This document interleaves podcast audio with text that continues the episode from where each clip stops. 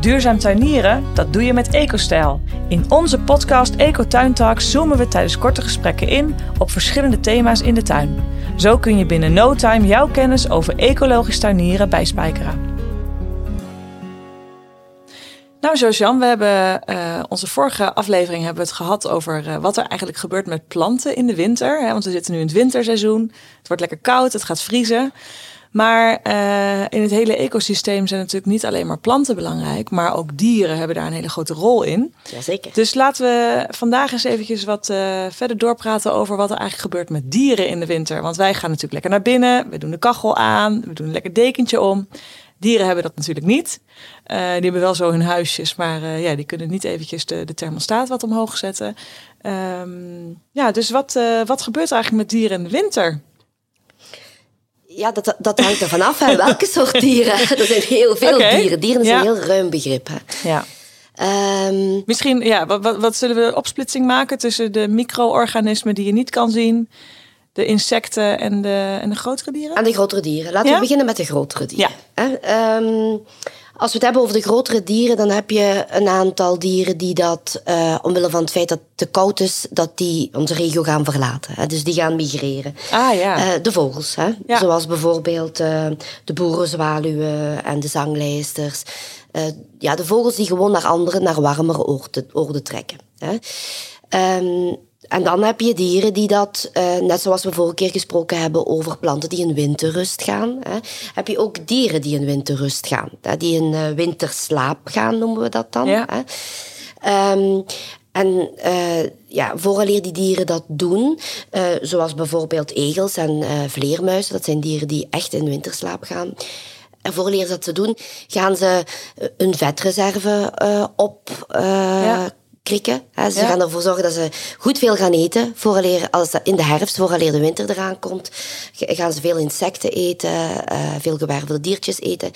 En ja, dan gaan ze in winterslaap. Ja, want dat vind ik wel. In, misschien ben ik de enige in Nederland die dat niet helemaal door heeft hoor. Maar hoe letterlijk moet ik zo'n winterslaap nemen? Is dat gewoon echt een soort comateuze toestand?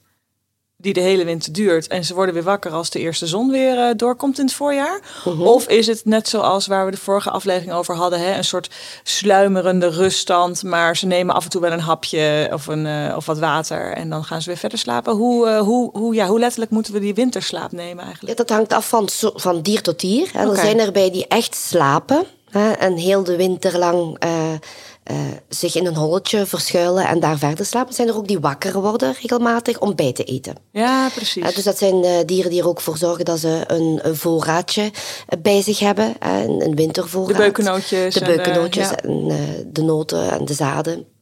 Dus en die, die worden meermaals wakker omwille van het feit dat zij moeten ervoor zorgen dat ze uh, ja, hun vetreserves terug verder opbouwen. Ja.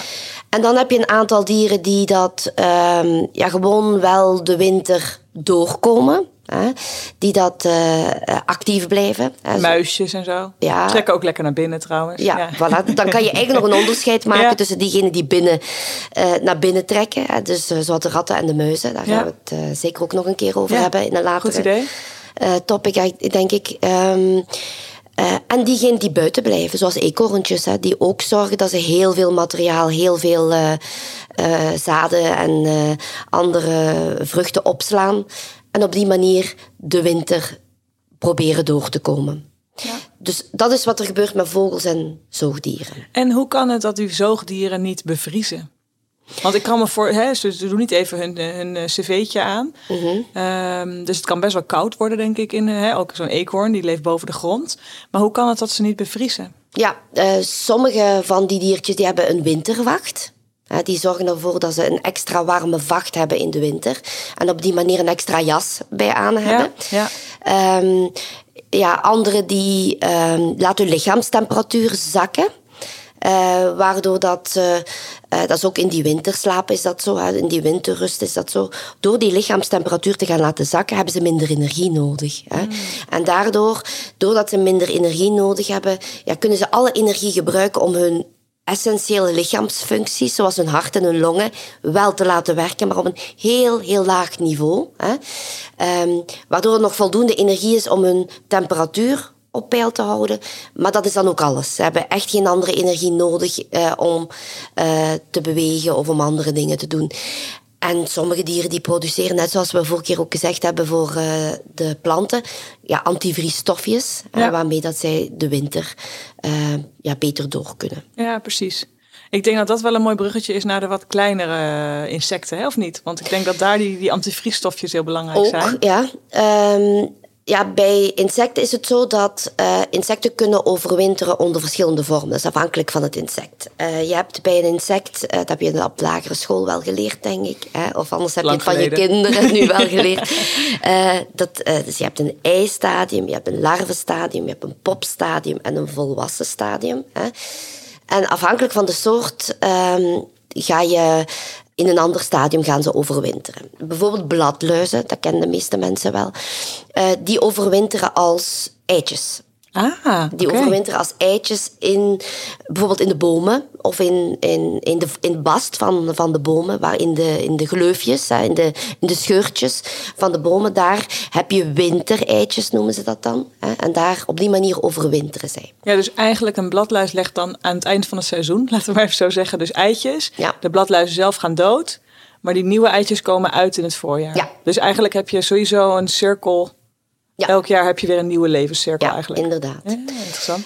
Uh, terwijl dat er ook uh, insecten zijn die als larven overwinteren. En dat zijn degenen die dat de meeste mensen ondertussen ook kennen. Dat zijn uh, de meikevers en de, de junikevers. Degenen die dat, de engerlingen die dat in onze gazons, onze Ja. gazons kapot eten.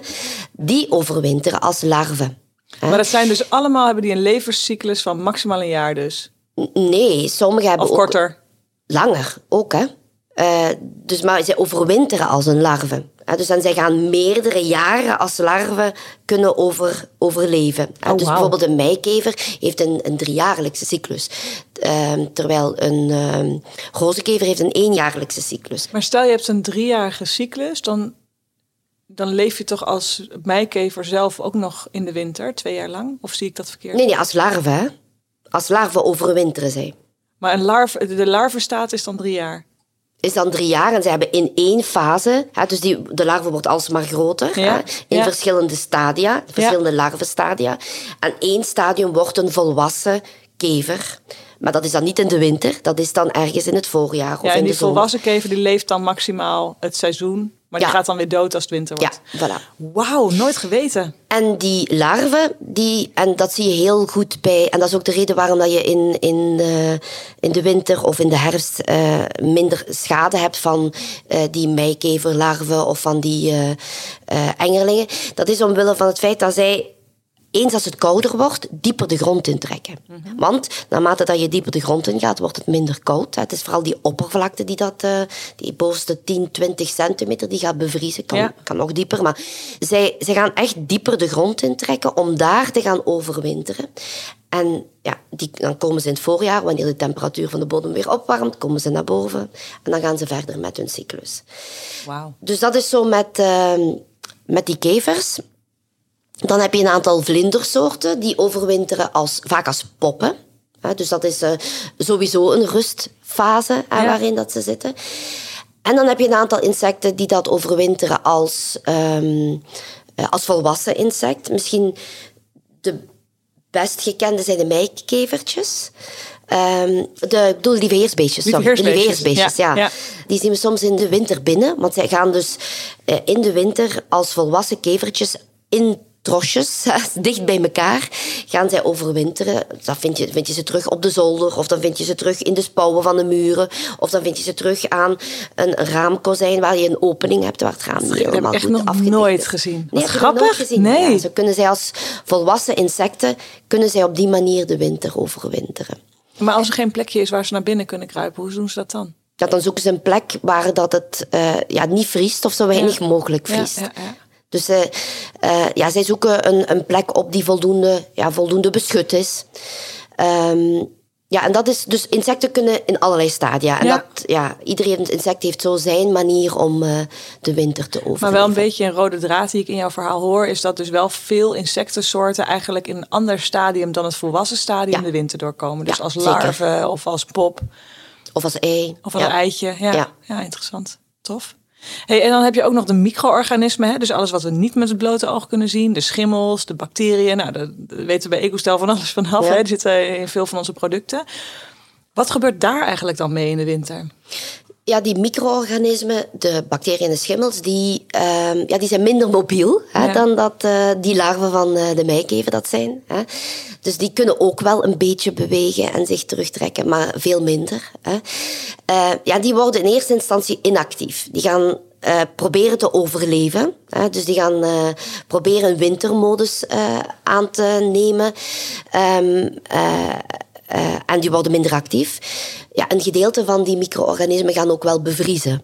Eh, en die, die, die verliezen we dan, bij wijze van spreken, in, eh, in de winter. Maar op zich is dat niet zo erg, want ja, bacteriën en schimmels kunnen heel gemakkelijk delen.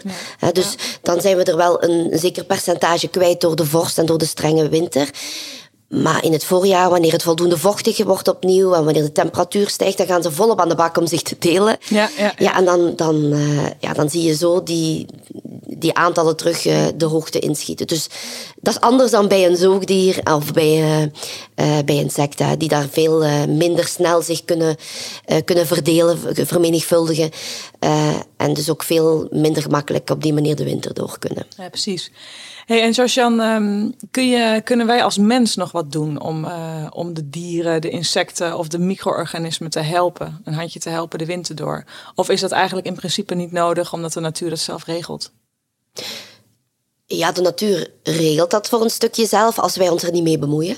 Ja. Eh, in die zin dat eh, ja, in de natuur is het zo dat, wat we daar al vaker gezegd hebben, bladeren vallen op de, op de grond. Hè, en je krijgt een laag, een, een, een dikke laag van bladeren. Dat is een isolerende laag. Eh, ook sneeuw die op de grond valt, die gaat een isolerende laag vormen.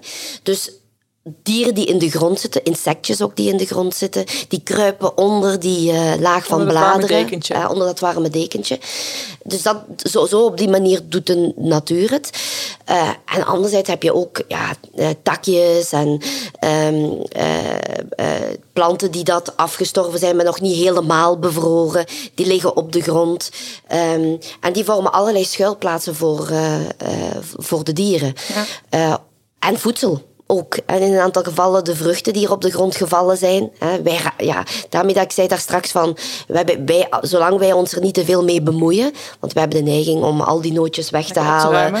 al die rotte appelen weg te doen, eh, om eh, ja, de bladeren weg te halen. Dus ja, als we, we moeten ervoor zorgen. We, eh, het is fijn om in de winter op te ruimen. Ja. Voor de winter komt in je tuin. Maar je moet niet te veel opruimen. Nee, dus lekker wat blaadjes, Ja. afgevallen vruchten laten liggen, want zo Ja. komen de dieren de winter weer door. Ja. Maar hoe zit dat dan met bijvoeren? Want je hebt natuurlijk ook hè, heel veel eh eh, vogelzaadbollen, Ja. pindakaaspotjes die worden opgehangen. Hoe zie jij dat? Is dat de natuur verstoren of is dat de natuur een handje helpen? Dat is natuur een handje helpen. Eh, uiteindelijk zijn dat eh, meestal vetbolletjes en Ja. nootjes. En op die manier help je eh, de natuur. Het, op zich is dat iets minder nodig, eh, die pindakaaspotjes en die eh, vetbolletjes. Wat wel eh, dieren minstens zoveel helpt, is water zetten Aha, oké. omdat zoals eh, de bij de vorige aflevering hebben we ook gezegd van ja, eh, eens als het gaat vriezen, dan wordt het droog. Hè. Ja. Dat klinkt soms contradictorisch voor mensen, maar het is wel zo. Want water dat bevriest is niet meer vloeibaar, dus is, kan niet meer opgenomen worden. Dus ook niet voor de dieren. Dus het is wel belangrijk dat als het echt gaat vriezen, dat je wel wat water in je tuin zet. Daar help je dieren echt heel veel meer mee nog dan dat je allerhande voeding neerlegt. Want die voeding die vinden ze ergens. Wel als je niet te veel opruimt natuurlijk. Ja. Oké, nou super interessant. Ik denk dat we het eh, onderwerp zo mooi besproken hebben. Dus eigenlijk als eh, recap, lekker je tuin eh, rommelig laten. Ja, rom- rommelhoekjes Af- creëren. Lekker Ja. fruit wat af is gevallen, lekker laten liggen. Want dan kunnen ze weer door eten. No, hè, kunnen ze van eten, nootjes.